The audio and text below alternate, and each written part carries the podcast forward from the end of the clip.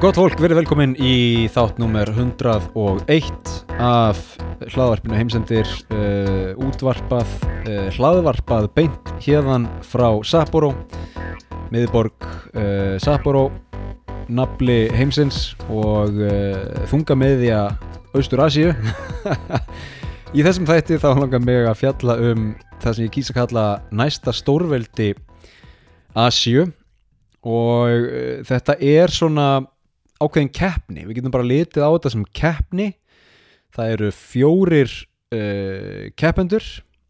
Það eru Japan, Kína Indonesia og Indland. Þetta eru keppendurnir sem keppast um að verða næsta stórveldi Asíu.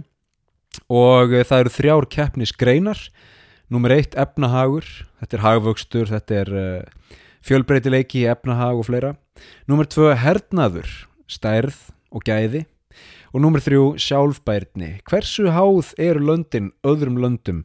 Hversu líklegt er að þessi lönd lifi af ef allt fyrir á versta veg? Ef að þriðja heimstyrjöld brýst út?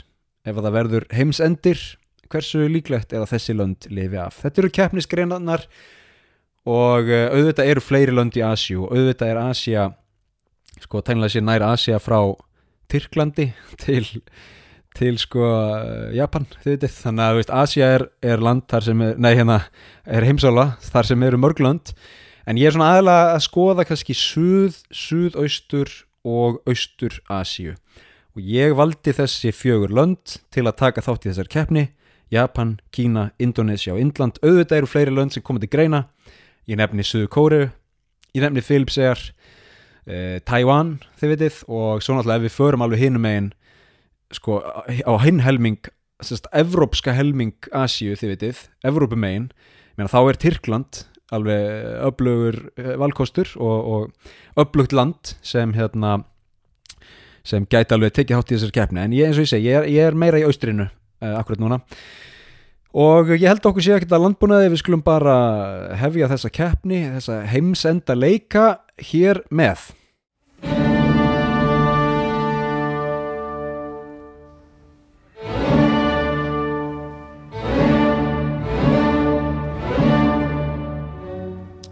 Byrjum á fyrstu keppnisgrein efnahagur. Uh, þá varpa ég fram spurningunni, er þetta land næsta efnahags stórveldi Asju? Og við byrjum á landinu Japan.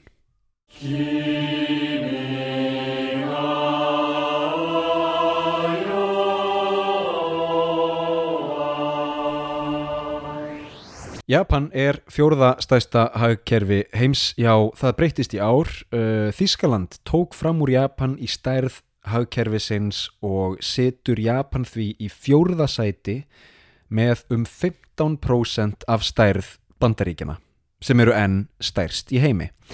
Smá fyrirværi samt, þetta er samkvæmt EMF, uh, International Monetary Fund, alþjóða peningasjóðunum örgulega fyrir árið 2023 og árið 2023 er náttúrulega ekki liðið þannig að þetta gæti alveg breyst.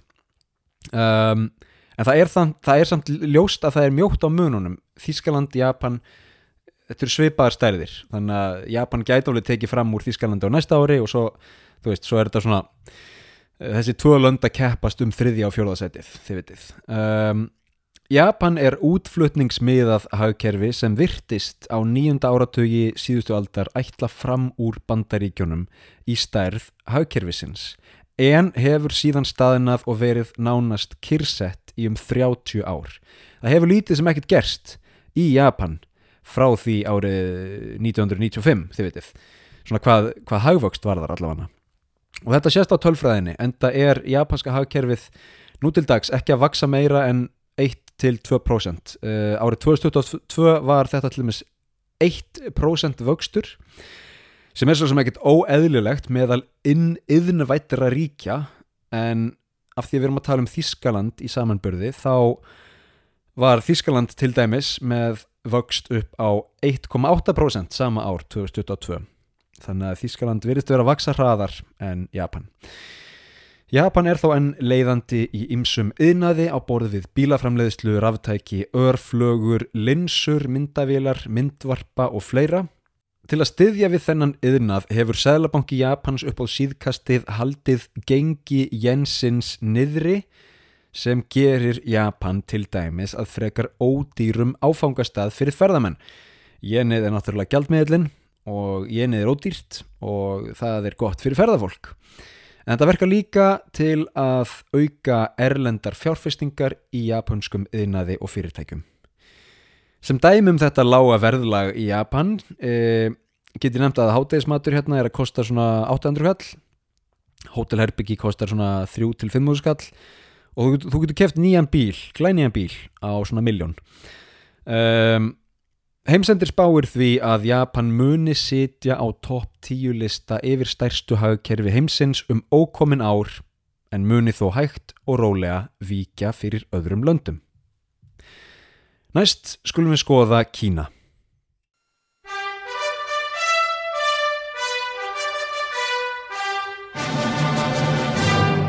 Hér kemur vinsælsetning. Bandaríkin eru búinn.